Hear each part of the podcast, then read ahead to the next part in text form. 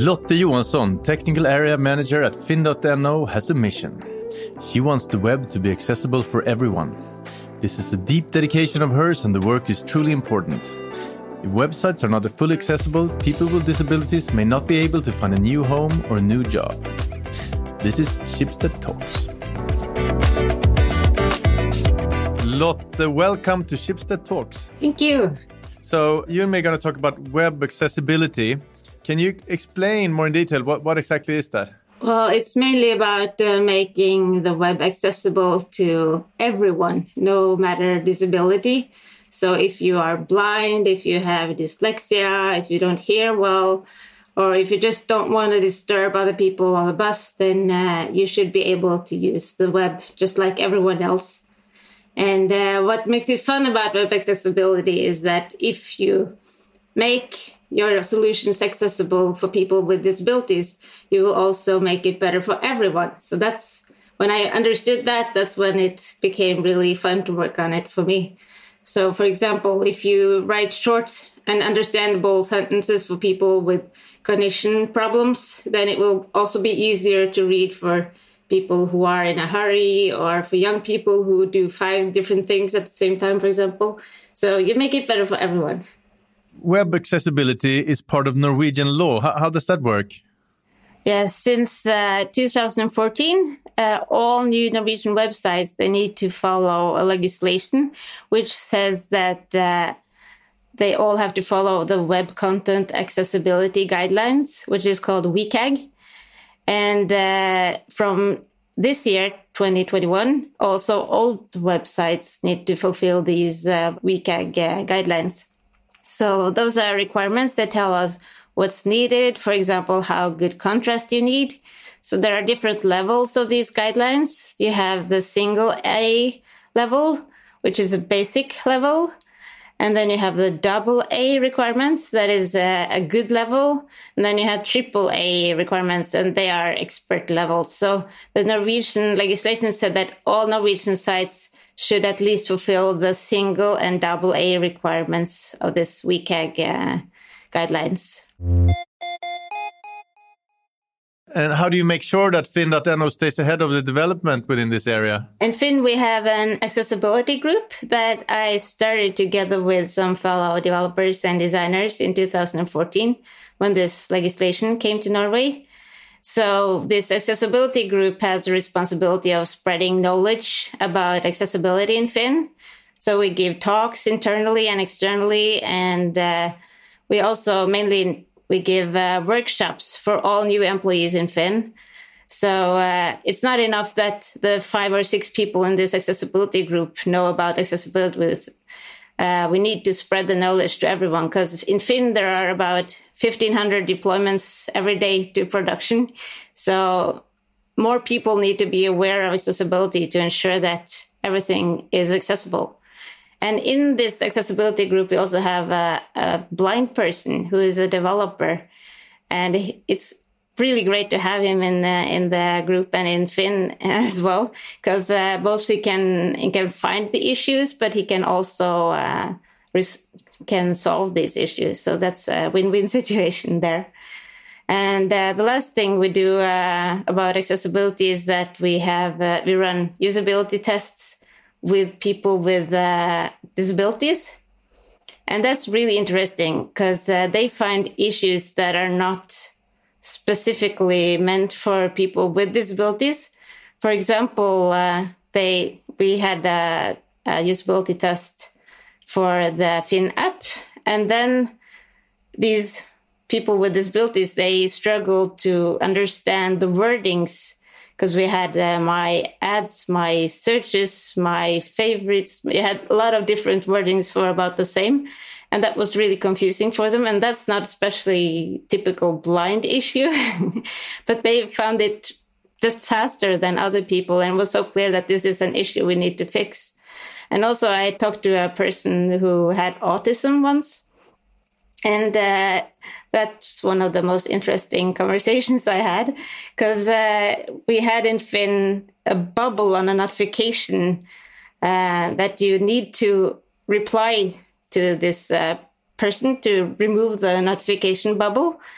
and she didn't want to reply but then she destroyed her whole week. She was thinking about it day and night that she did not reply to this person. And she was unsure if this person was angry with her because she had not replied.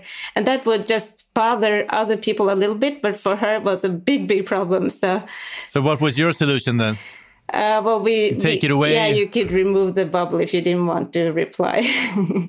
so, but these people, they just put a magnifier on a problem. So it's, it's easier to find them uh, a lot faster than other people do. So I encourage all people to include people with disabilities when they do user tests.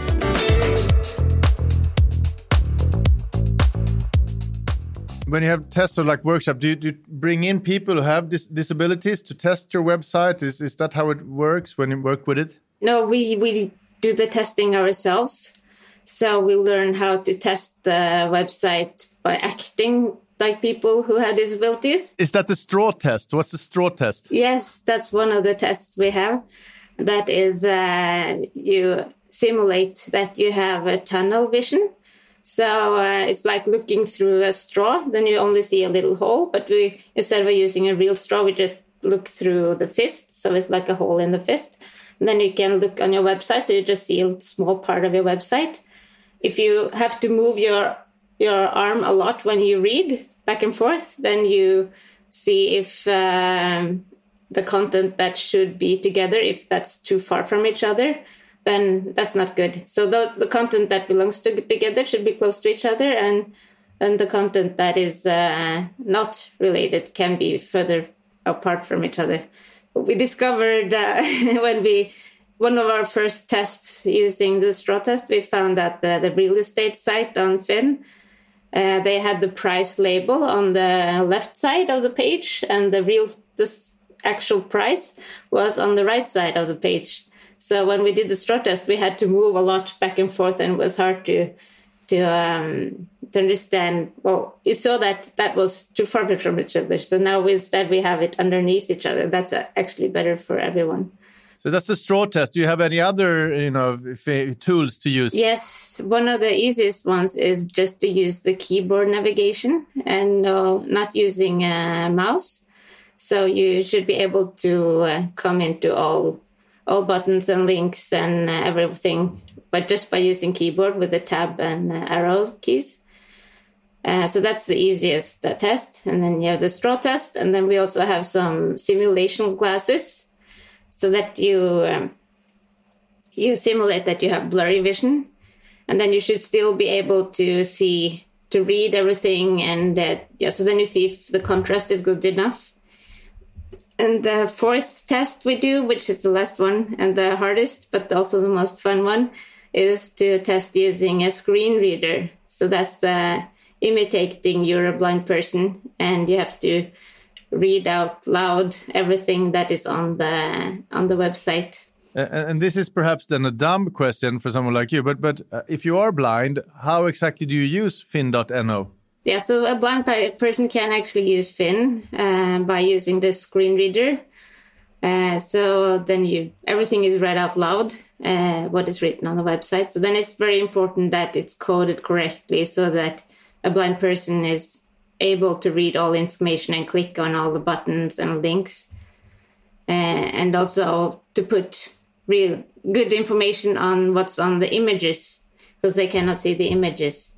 So uh, if you don't put anything there, the screen reader will just read out the name, and the name may be a long number.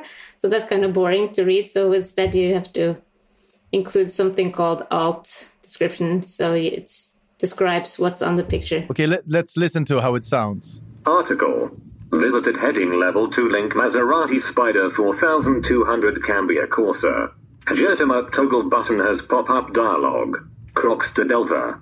Blank 2002. Blank 69000 kilometers. Blank 570 kr. Blank privat. Article end. Okay, interesting.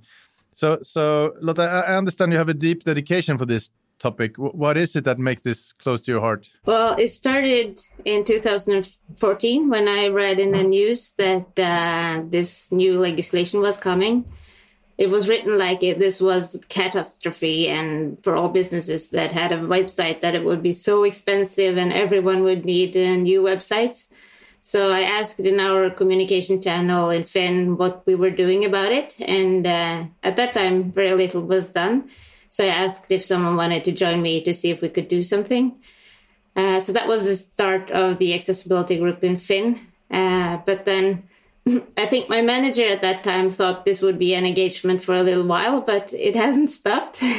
I'm still into this after seven years because I see it's uh, important and I think it's important to spread the word that accessible solutions are better for everyone.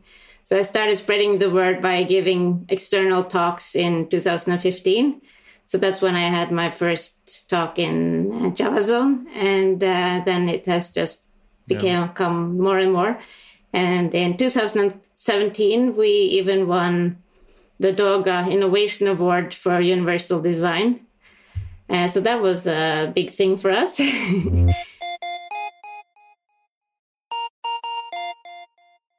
At one of the speeches you held, uh, you compared websites to, to staircases. Uh, what was the purpose with that comparison? Yes, you can create staircases and put on a terrible ramp that uh, say that it is accessible to a person in a wheelchair, for example.